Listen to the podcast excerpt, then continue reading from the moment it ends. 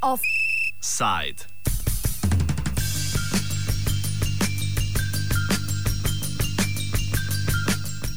Štipendije in deficitarni poklici. Ministrstvo za delo, družino, socialne zadeve in enake možnosti je pripravilo predlog politike štipendiranja za obdobje med letoma 2015 in 2019, ki med drugim obravnava tudi štipendiranje za deficitarne poklice na področju srednješolskega izobraževanja. Po vladnem predlogu bo Javni sklad za razvoj kadrov in štipendij vsako leto do konca januarja objavil javni razpis za dodelitev do 1000 štipendij za deficitarne poklice, ki bodo v skladu z zakonom o štipendijah sprejetim lani znašale 100 evrov mesečno. Za štipendiranje izobraževanja za deficitarne poklice bo na letni ravni zagotovljenih 1,2 milijona evrov, štipendiranje za deficitarne poklice pa bodo združljive z drugimi vrstami štipendij, razen kadrovskimi.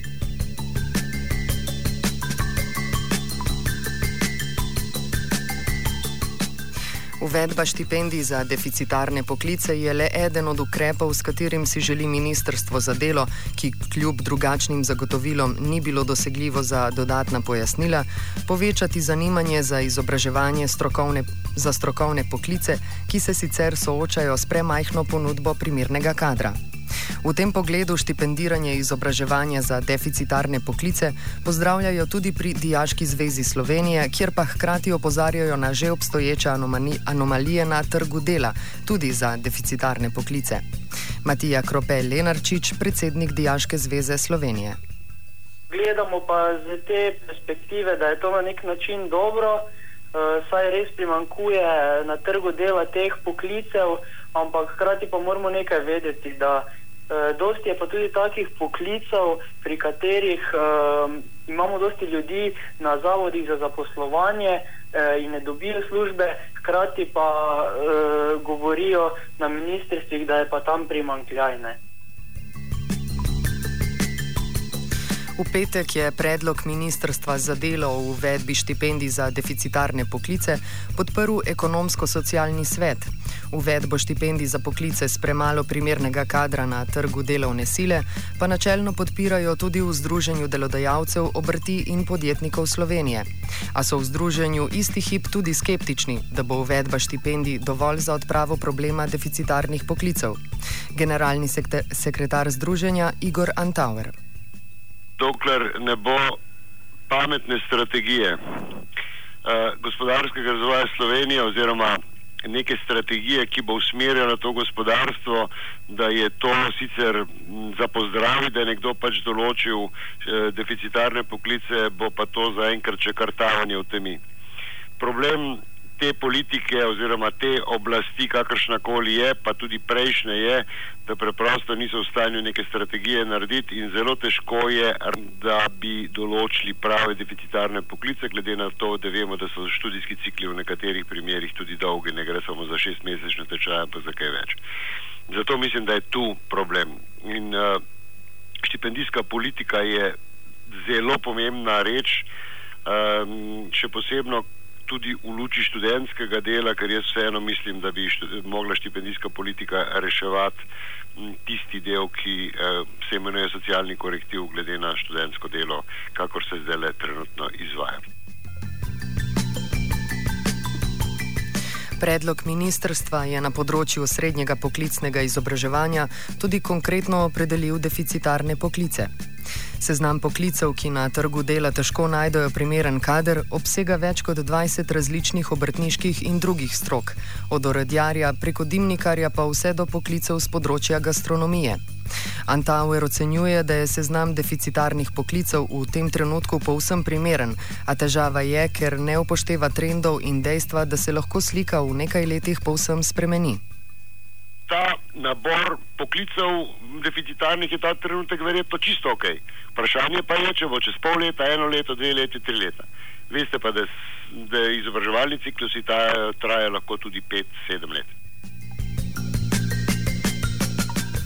Da ne upošteva trenov, trendov trga dela in zaposlitvene dinamike, je Ministrstvu za delo že v času sprejetja zakona o štipendiranju in pripravi aktualnega predloga očital tudi Urad za makroekonomske analize in razvoj, skratico UMAR. Na ministrstvu so se na navedbe Umarja odzvali, da se slika deficitarnih poklicev v preteklosti ni spreminjala bistveno, da pa bodo v sodelovanju z delodajalci uvedli mehanizme, mehanizme za spremljanje kratkoročnih trendov.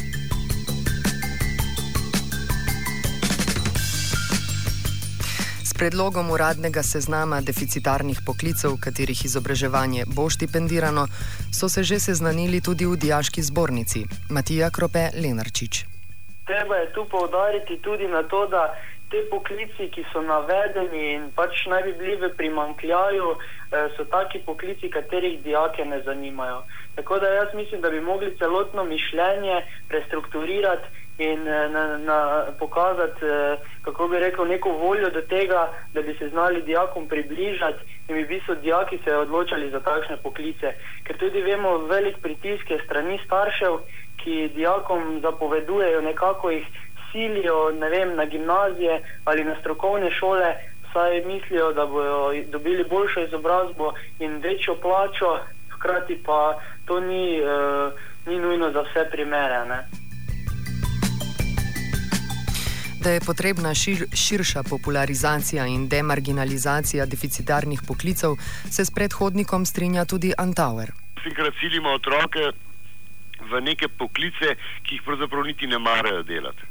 Jaz mislim, da je poklic mehanika, inštalaterja, električarja, zdaj malo karikiram z vsemi potem bom rekel, graduacijami študija, lahko zelo zanimiv za tistega, ki mu je to všečno, ne? ki, ki mu je všeč. In dosti mladostnikov se odloča za, za poklice, ker razmišljajo, kje bo več denarja prineslo. Ampak konča zgodba tako, da so ti poklici, ki so zdaj suficitarni, seveda brez zaposlitve. Potem je resno vprašanje, kaj, kaj to je. Moram pa reči, da že moja generacija poklice spreminja. To, kar bo danes šlo študirati, bo sigurno spremenilo dva ali tri poklice v svoji karieri, če bodo hoteli biti konkurenčni na trgu dela. Tako hitro se spreminjajo zadeve. Problematiko deficitarnih poklicev se politika neuspešno obada že dlje časa, pri tem pa pravih rešitev še ni našla. Posledično pa se nadaljuje tudi upad za zanimanje za poklicno izobraževanje. Čeprav nekateri poklici beležijo občasno porast upisa, pa nasplošno slika ostaja enaka. Povečuje se predvsem upis v gimnazije. Ja, zdaj, če pogledamo statistiko, ne, eh, mislim, da je nekje od leta 2000 eh, in naprej se je v bistvu tudi eh, vpis v gimnazije povečal. Vidi, po, vidi pa se tudi opad na poklicnih šolah. Jaz mislim, da bi znal ta ukrep štipendiranja teh poklicov, deficitarnih, privabiti dijake k, k neki motiviranosti za te poklice. Kljub temu, da med mladimi, ki zaključujejo osnovnošolsko izobraževanje, ni zanimanja za poklicno šolanje, pa ima ministrstvo precej malo posluha za njihove predloge. Glede, glede tega moram reči, da so bili zelo skromni. Uh, ne, ne dosti krat dobimo, oziroma sploh ne dobimo kakšnega povabila z njihove strani. Uh, moram reči, da je večini glih obratno, da moramo mi njih prositi uh, za kakšne sestanke in tudi mislim, da je tako prav, ampak uh, jaz mislim, da uh, glede na podlago, ki jo imajo iz različnih statističnih podatkov in tako dalje, vem, da tudi predsedstva pred mano so že dali različne predloge in so skupaj usklajali te stvari. Kot omenjeno že v vodoma, so za izboljšanje stanja na področju deficitarnih poklicev potrebni širši, tako gospodarski kot socialni ukrepi.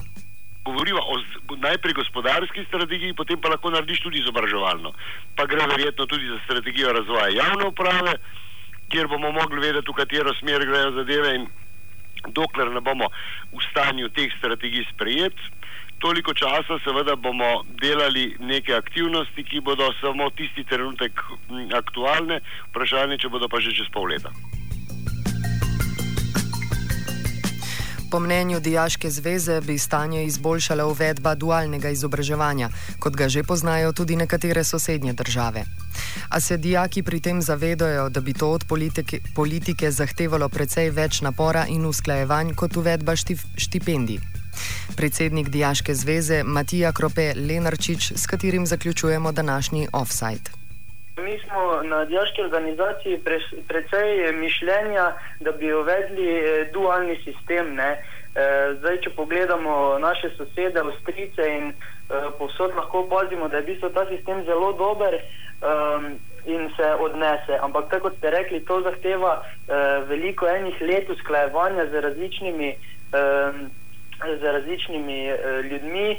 In uh, jaz mislim, no, da, da, da bi mogli delati nekaj v tej smeri. Ne?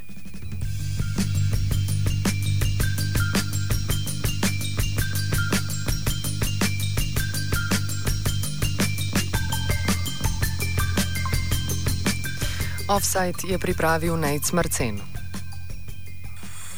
Offside.